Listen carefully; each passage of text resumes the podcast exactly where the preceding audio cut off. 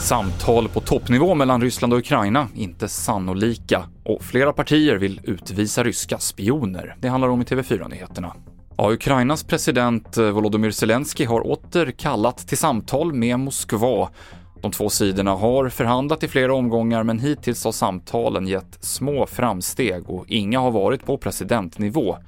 Men man ska inte vänta sig att det sker något toppmöte den närmaste tiden, säger vår utrikeskommentator Rolf Porseryd. Jag tror att det är ganska långt borta ännu så länge. Eh, Putin vill inte ha något möte nu.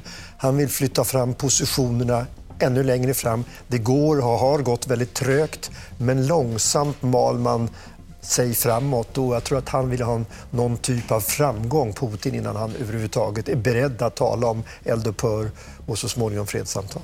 Det sa Rolf Porseryd. I Sverige kommer det krav på att utvisa ryska diplomater, som andra europeiska länder redan har gjort. M, KD, SD och C vill utvisa diplomater som jobbar som spioner under täckmantel vid exempelvis ryska ambassaden i Stockholm. Paul Jonsson är försvarspolitisk talesperson för Moderaterna.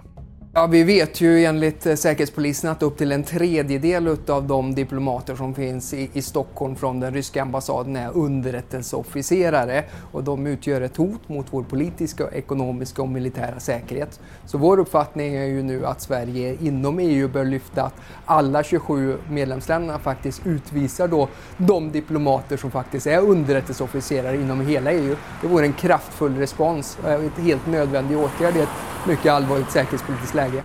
Och Belgien skjuter upp den planerade nedläggningen av landets kärnkraft med 10 år.